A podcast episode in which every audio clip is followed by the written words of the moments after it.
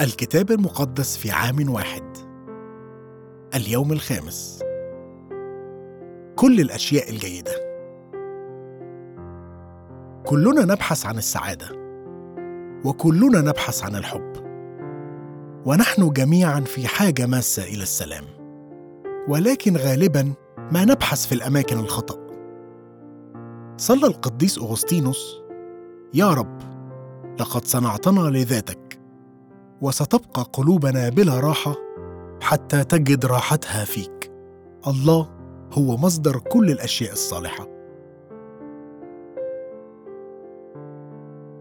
المزمور الرابع. عند دعائي استجب لي يا إله بري. في الضيق رحبت لي. تراءف علي واسمع صلاتي. يا بني البشر حتى متى يكون مجدي عارا؟ حتى متى تحبون الباطل وتبتغون الكذب؟ فاعلموا أن الرب قد ميز تقيه الرب يسمع عندما أدعوه. ارتعدوا ولا تخطئوا. تكلموا في قلوبكم على مضاجعكم واسكتوا. اذبحوا ذبائح البر وتوكلوا على الرب. كثيرون يقولون من يرينا خيرا؟ ارفع علينا نور وجهك يا رب. جعلت سرورا في قلبي أعظم من سرورهم إذ كثرت حنطتهم وخمرهم. بسلامة أضطجع بل أيضا أنام. لأنك أنت يا رب منفردا في طمأنينة تسكنني. مصدر الفرح والسلام. غالبا جدا ما نبحث عن الفرح والسلام في الأماكن الخطأ حتى متى تحبون الباطل وتبتغون الكذب. إننا نظن أن المال والممتلكات أو النجاح ستكون هي الإجابة. ولكن ما هذه إلا أوهام. وآلهة كاذبة. يخبرنا داود أين يوجد الفرح والسلام الحقيقي. لقد صنعك الله لأجل أن تقيم علاقة حية معه. لم يقدم لنا وعدا بحياة خالية من المشاكل حيث يبدأ المزمور بصرخه في الضيق رحبت لي تراءف علي واسمع صلاتي. داود واثق من أن الله سيسمع. الرب يسمع عندما أدعوه. الله وحده هو المصدر الحقيقي للفرح والسلام. ارفع علينا نور وجهك يا رب. جعلت سرورا في قلبي أعظم من سرورهم. إذ كثرت حنطتهم وخمرهم. بسلامة أضطجع بل أيضا أنام. لأنك أنت يا رب منفردا في طمأنينة تسكنني. يوجد في محضر الله فرح أعظم مما يوجد في الرخاء والرفاهية المادية. الرخاء بغض النظر عن الأمان الظاهري الذي يسببه لا يؤدي بالضرورة إلى نوم هانئ. فقط في مشيئة الله يمكننا أن نضطجع بسلامة بحق. يا رب دع نور وجهك يشرق علي. املأ قلبي بفرح محضرك وامنحني نوما هانئا. متى الأصحاح الرابع من العدد 23 إلى العدد 25 وكان يسوع يطوف كل الجليل يعلم في مجامعهم ويكرز ببشارة الملكوت ويشفي كل مرض وكل ضعف في الشعب. فذاع خبره في جميع سورية فأحضروا إليه جميع السقماء المصابين بأمراض وأوجاع مختلفة والمجانين والمصروعين والمفلوجين فشفاهم. فتبعته جموع كثيرة من الجليل والعشر المدن وأورشليم واليهودية ومن عبر الأردن. متى الأصحاح الخامس من العدد واحد إلى العدد عشرون. ولما رأى الجموع صعد إلى الجبل فلما جلس تقدم إليه تلاميذه. ففتح فاه وعلمهم قائلا طوبى للمساكين بالروح لأن لهم ملكوت السماوات. طوبى للحزانة لأنهم يتعزون. طوبى للودعاء لأنهم يرثون الأرض. طوبى للجياع والعطاش إلى البر لأنهم يشبعون. طوبى للرحماء لأنهم يرحمون. طوبى للأنقياء القلب لأنهم يعينون الله. طوبى لصانع السلام لأنهم أبناء الله يدعون. طوبى للمطرودين من أجل البر لأن لهم ملكوت السماوات. طوبى لكم إذا عيركم وطردكم وقالوا عليكم كل كلمة شريرة من أجل كاذبين. افرحوا وتهللوا لأن أجركم عظيم في السماوات فإنهم هكذا طردوا الأنبياء الذين قبلكم. أنتم ملح الأرض ولكن إن فسد الملح فبماذا يملح؟ لا يصلح بعد لشيء إلى لأن يطرح خارجا ويداس من الناس. أنتم نور العالم. لا يمكن أن تخفى مدينة موضوعة على جبل ولا يوقدون سراجا ويضعونه تحت المكيال بل على المنارة فيضيء لجميع الذين في البيت. فليضئ نوركم هكذا قدام الناس لكي يروا أعمالكم الحسنة ويمجدوا أباكم الذي في السماوات. لا تظنوا أني جئت لأنقض الناموس أو الأنبياء. ما جئت لأنقض بل لأكمل. فإني الحق أقول لكم إلى أن تزول السماء والأرض لا يزول حرف واحد أو نقطة واحدة من الناموس حتى يكون الكل. فمن نقض إحدى هذه الوصايا الصغرى وعلم الناس هكذا يدعى أصغر في ملكوت السماوات. وأما من عمل وعلم فهذا يدعى عظيما في ملكوت السماوات. فإني أقول لكم إنكم إن لم يزد بركم على الكتبة والفريسيين لن تدخلوا ملكوت السماوات. مصدر نعمة الله والسعادة الحقيقية. بحسب يسوع، لا تأتي السعادة الحقيقية من كل الأشياء التي يقترحها المجتمع. لا تأتي من الشهرة، الجمال، الثروة أو الممتلكات. وهي ليست مسألة بما تشعر. ليست مسألة ما تملك أو حتى ماذا تفعل. تعني الكلمة اليونانية والمستخدمة في الإصحاح الخامس. ماكاريوس طوبى مبارك يا لسعادة.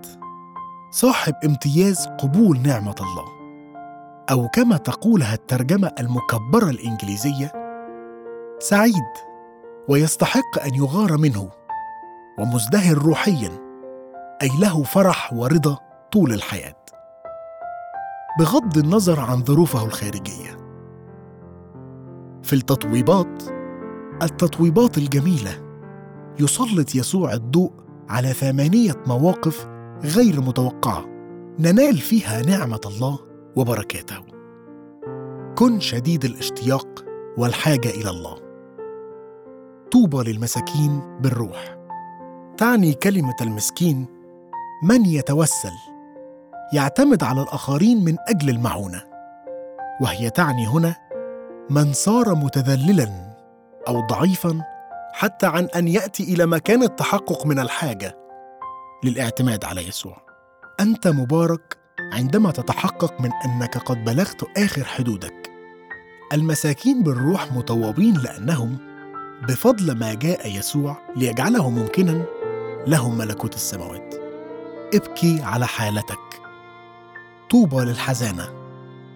احزن على خطاياك. وعلى الفوضى التي في العالم من حولك. ابكي مع أولئك الذين يبكون. ليس من الخطأ أن تبكي وأن تحزن على فقدان من تحبهم. وعد يسوع هو أن أولئك الذين يحزنون ويبكون سيتعزون.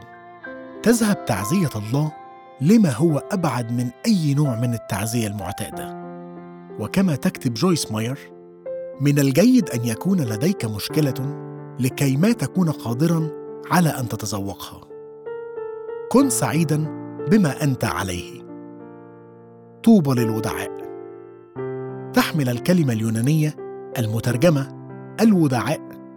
معنى لطيف. مراع للمشاعر. متواضع. وهي تظهر الطيبة ومحبة الآخرين. إنها عكس الغطرسة والأنانية. إنها تعني مكسور ليس بمعنى الزجاج المكسور مثلا الذي صار محطما لكن بمعنى ترويض الحصان. جعل القوة تحت السيطرة. من خلال يسوع ينال الودعاء البركة. يرثون الأرض. أنتم مباركين عندما تسرون فقط بما أنتم عليه. لا أكثر ولا أقل. كن جوعانا إلى الله. طوبى للجياع والعطاش إلى البر. اطلب العلاقة مع الله بصفتها الأولوية رقم واحد في الحياة. حينما تطلب شيئا آخر لذاته ستظل جائعا في النهاية. ولكن بركة الجوع إلى الله وبره هي إنك ستشبع. أنت مبارك عندما تشتهي الله بشدة. اقبل الغفران وكن رحيما. طوبى للرحماء لأنهم يرحمون. لا تعطي للناس ما يستحقونه بل اعطهم ما لا يستحقونه. وكما قالها سي إس لويس أن تكون مسيحيا فهذا يعني أن تغفر ما لا يمكن التماس العذر له لأن الله قد غفر ما لا يمكن مغفرته لك. الرحماء مباركون لأنهم سيرحمون. كن مخلصا بالتمام. طوبى للأنقياء القلب. هذه ليست نقاوة خارجية فقط لكنها نزاهة واستقامة صراحة وإخلاص وأصالة. إنها نقاوة تسمح لك بالحق أن تعاين الله. يبدأ القلب النقي من عند أفكارك لأن أفكارك تصير كلماتك وتصرفاتك وشخصيتك.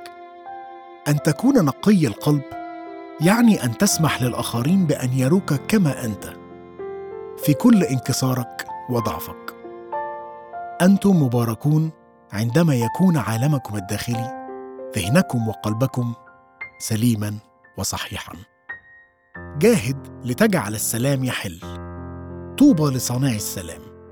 لا تثير الصراع بل اصنع السلام. أتى يسوع ابن الله ليصنع سلاما لأجلك على الصليب. طوبى لصانع السلام لأنهم أبناء الله يدعون. أنتم مباركون عندما تقدرون أن تظهروا للناس كيف يمكنهم أن يتعاونوا بدلا من أن يتنافسوا أو يتقاتلوا. لا تتوقع شيئا في المقابل إلا الاضطهاد طوبى للمطرودين من أجل البر. لا تتوقع أي شيء من العالم في المقابل. إلا النقد. لكن الله مع الكنيسة المضطهدة. لأن لهم ملكوت السماوات.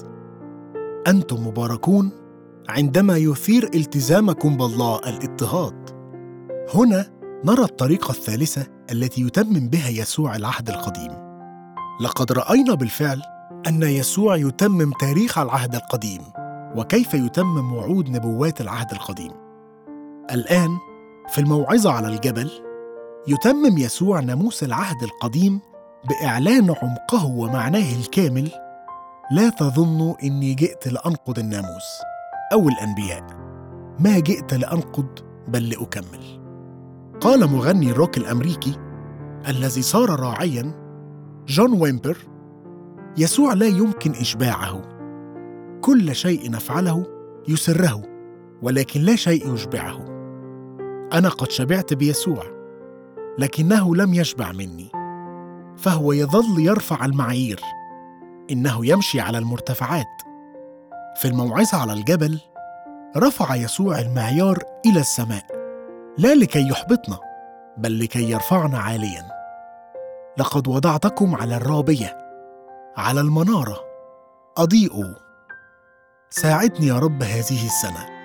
لأحيا بقيمك التي علمتها في الموعظة على الجبل وأن أكون متسما بالتطويبات التي قلتها حتى أكون نورا للعالم الذي من حولي.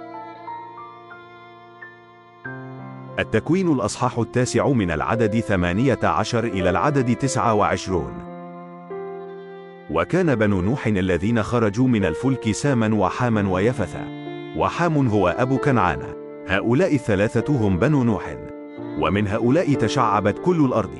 وابتدأ نوح يكون فلاحا وغرس كرما.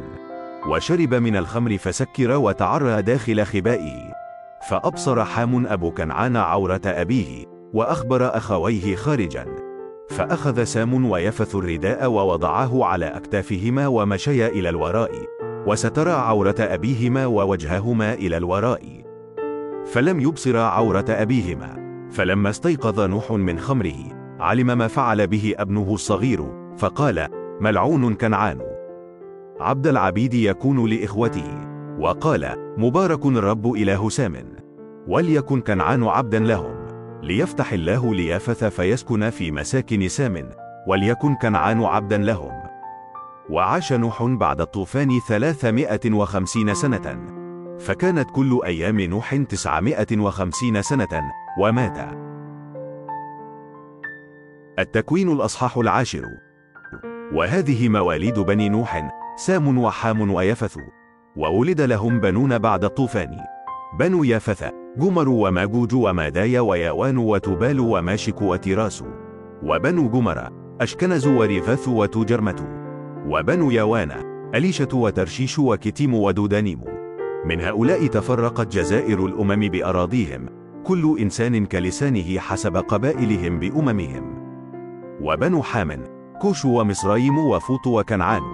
وبنو كوشا سبا وحويلة وسبتة ورعمة وسبتكا وبنو رعمة شبا وددان.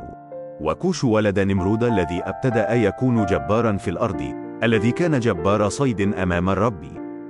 لذلك يقال كنمرود جبار صيد أمام الرب. وكان ابتداء مملكته بابل وأرك وأكد وكلنة في أرض شنعار. من تلك الأرض خرج أشور وبنى نينوى ورحوبوت عير وكالح ورسنا. بين نينوى وكالح هي المدينة الكبيرة. ومصريم ولد لوديم وعناميم ولهابيم ونفتوحيم وفترسيم وكسلوحيم. الذين خرج منهم فيلشتيم وكفتوريم. وكنعان ولد سيدون بكره وحثا واليابوسية والأمورية والجرجاشية والحوية والعرقية والسينية والأروادية والصمارية والحماتية وبعد ذلك تفرقت قبائل الكنعاني. وكانت تخوم الكنعاني من صيدون حينما تجيء نحو جرار إلى غزة وحينما تجيء نحو سدوم وعمورة وأدمة وصبويم إلى لشاع. هؤلاء بنو حام حسب قبائلهم كألسنتهم بأراضيهم وأممهم. وسام أبو كل بني عابرة أخو يفث الكبير ولد له أيضا بنون. بنو سام علم وأشور وأرفكشد ولود وأرام. وبنو أرام عوس وحول وجاثر وماشو. وأرفكشد ولد شالح وشالح ولد عابر. ولعابر ولد أبناني اسم الواحد فالج لأن في أيامه قسمت الأرض. واسم أخيه يقطان. ويقطان ولد. المداد وشالف وحضر موت ويرح وهدورام وأوزال ودقلة وعبال وأبي مايل وشبا وأفير وحويلة ويبابا. جميع هؤلاء بنو يقطان. وكان مسكنهم من ميشا حينما تجيء نحو سفار جبل المشرق. هؤلاء بنو سام حسب قبائلهم كألسنتهم بأراضيهم حسب أممهم. هؤلاء قبائل بني نوح حسب مواليدهم بأممهم. ومن هؤلاء تفرقت الأمم في الأرض بعد الطوفان. التكوين الأصحاح الحادي عشر من العدد واحد إلى العدد تسعة. وكانت الأرض كلها لسانا واحدا ولغة واحدة. وحدث في ارتحالهم شرقا أنهم وجدوا بقعة في أرض شنعار وسكنوا هناك. وقال بعضهم لبعض هلم نصنع لبنا ونشويه شيئا. فكان لهم اللبن مكان الحجر وكان لهم الحمر مكان الطين. وقالوا هلم نبني لأنفسنا مدينة وبرجا رأسه بالسماء. ونصنع لأنفسنا اسما لئلا نتبدد على وجه كل الأرض. فنزل الرب لينظر المدينة والبرج اللذين كان بنو آدم يبنونهما. وقال الرب هو ذا شعب واحد ولسان واحد لجميعهم وهذا ابتداؤهم بالعمل.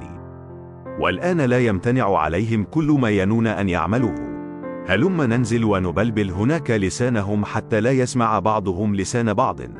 فبددهم الرب من هناك على وجه كل الأرض فكفوا عن بنيان المدينة. لذلك دعي اسمها بابل. لأن الرب هناك بلبل لسان كل الأرض. ومن هناك بددهم الرب على وجه كل الأرض. مصدر المحبة والوحدة. المحبة تغطي وتحمي. إنها لا تسعى لأن تفضح ضعفات وأخطاء الآخرين. وهي لا تفرح بظروف الآخرين السيئة. تبدأ فقرة اليوم بالتقرير الغريب جدا عن سكر نوح. لم تعني حقيقة كونه إنسانا بارا أنه كان كاملا. وقد امتدح سام ويافث لأجل أنهما سترا عورة أبيهما. تمضي المحبة والاتحاد يدا بيد. يعد برج بابل رمزا لعدم الاتحاد. قال الشعب هلما نبني لأنفسنا مدينة وبرجا رأسه بالسماء ونصنع لأنفسنا اسما. أدى هذا التصرف من الكبرياء والسعي للحصول على القوة إلى عدم الوحدة والمتمثلة في التشويش الواقع من اللغات المختلفة في العالم. الرب هناك بلبل لسان كل الأرض ومن هناك بددهم الرب على وجه كل الأرض. كان يوم الخمسين هو عكس ما حدث في بابل. مكن الروح القدس الناس من أن يقولوا نسمع نحن كل واحد منا لغته التي ولد فيها. تعبر موهبة الألسنة عن حقيقة أن الروح القدس يعكس عدم وحدة بابل ويوحد كل الشعوب واللغات. هذه خبرة شائعة اليوم. بينما نرى الروح القدس يوجد المحبة والوحدة بين الكنائس واللغات والأمم. يا رب ليتنا لا نسعى مطلقا لأن نصنع لأنفسنا أو لكنيستنا الخاصة أو طائفتنا أو الحركة التي ننتمي إليها اسما. بل بالأحرى نسعى لتمجيد اسمك. أسكب روحك يا رب على الكنيسة كما حدث في يوم الخمسين. ليكن هناك انعكاس لما حدث في بابل. ليكن هناك نهاية لعدم الوحدة. ليجلب روحك القدوس قيم ملكوت الله. المحبة والفرح والسلام والسعادة والوحدة الحقيقية. فأحضروا إليه جميع السقماء المصابين بأمراض وأوجاع مختلفة والمجانين والمصروعين والمفلوجين فشفاهم. سأصلي من أجل أي شخص مريض أو يتألم اليوم ممن أعرفهم.